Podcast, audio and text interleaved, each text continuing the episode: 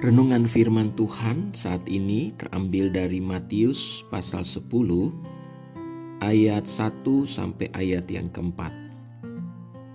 Yesus memanggil kedua belas muridnya dan memberi kuasa kepada mereka untuk mengusir roh-roh jahat dan untuk melenyapkan segala penyakit dan segala kelemahan.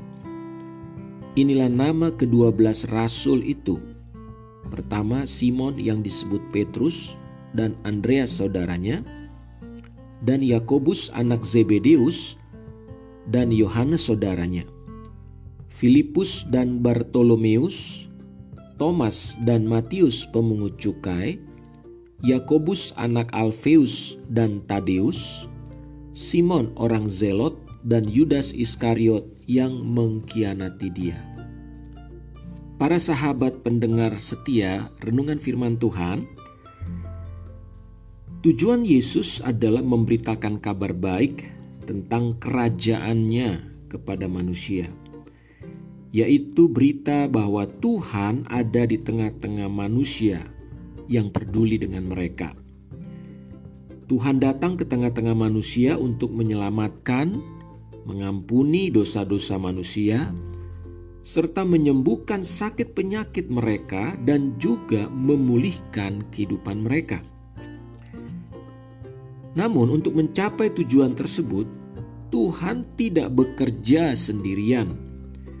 Dia memerlukan orang-orang yang bersedia untuk menjalankan dan melaksanakan tujuannya tersebut.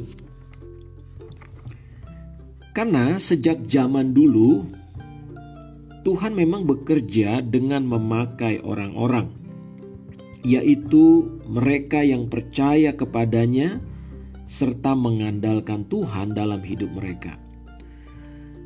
Para sahabat sekalian, dalam pembacaan kita tadi diceritakan di sana bagaimana Tuhan Yesus memanggil 12 orang sebagai murid-muridnya yang pertama. Mereka ini adalah orang-orang yang dipanggil dari berbagai latar belakang.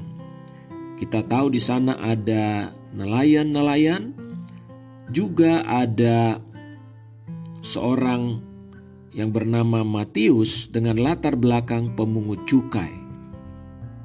Dan mereka telah mengikut Yesus selama beberapa waktu lamanya.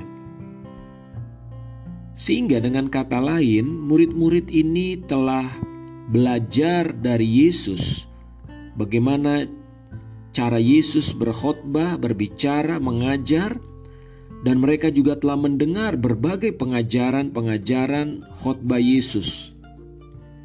Namun, mereka juga diberikan otoritas dan kuasa, yaitu untuk mengusir roh-roh jahat dan menyembuhkan sakit penyakit dan kelemahan tubuh.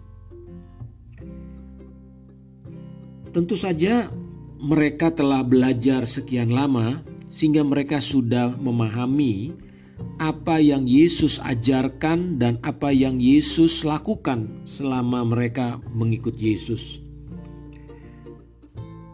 Kedua belas murid tersebut juga disebut oleh Yesus sebagai rasul, yang artinya utusan.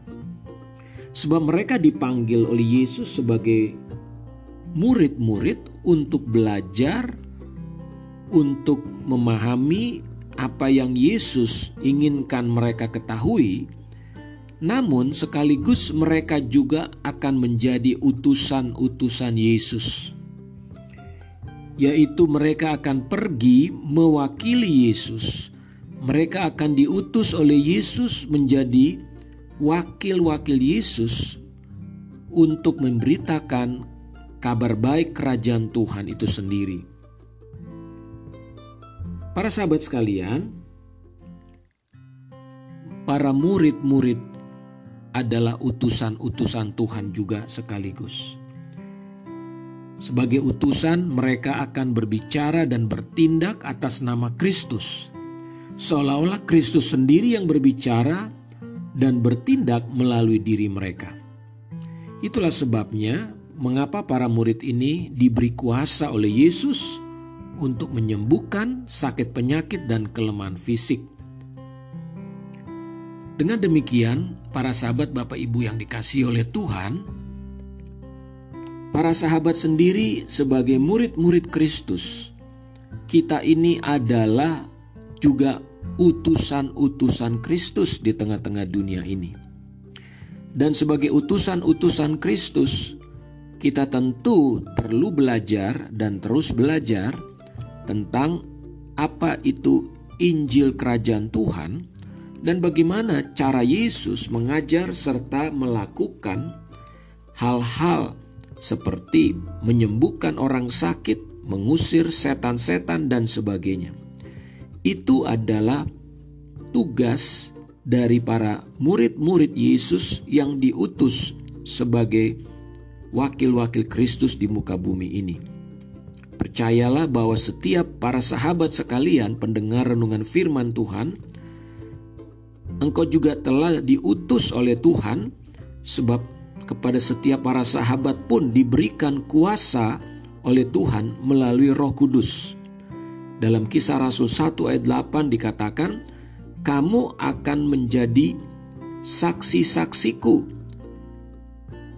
dari Yerusalem, Yudea, Samaria sampai ke ujung-ujung bumi.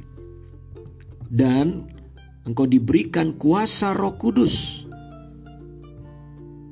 untuk menjadi saksi-saksi Tuhan tersebut.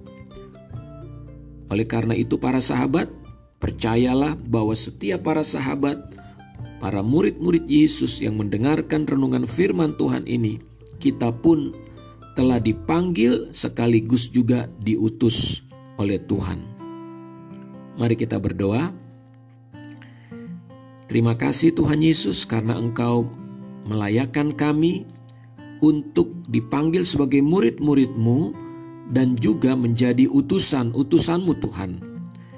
Aku berdoa biarlah setiap kami para murid-muridmu yang mendengarkan renungan firman Tuhan saat ini, kami boleh pergi karena kami tahu ada kuasa Tuhan menyertai kami. Tuhan aku berdoa biarlah roh kudus terus menolong kami, mengurapi kami, sehingga apa yang kami lakukan untuk memuliakan Tuhan. Bapa kami berdoa biarlah setiap para sahabat-sahabat dan murid-murid Tuhan menjadi utusan-utusan yang luar biasa.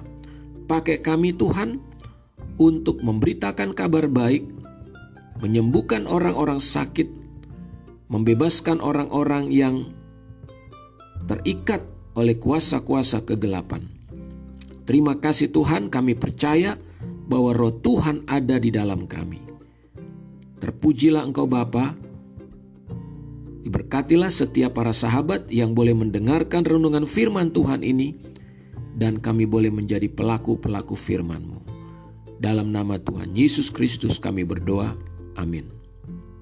Puji Tuhan, para sahabat sekalian, kiranya para sahabat boleh menjadi saksi Kristus, menjadi utusan-utusan Kristus di tengah-tengah dunia ini.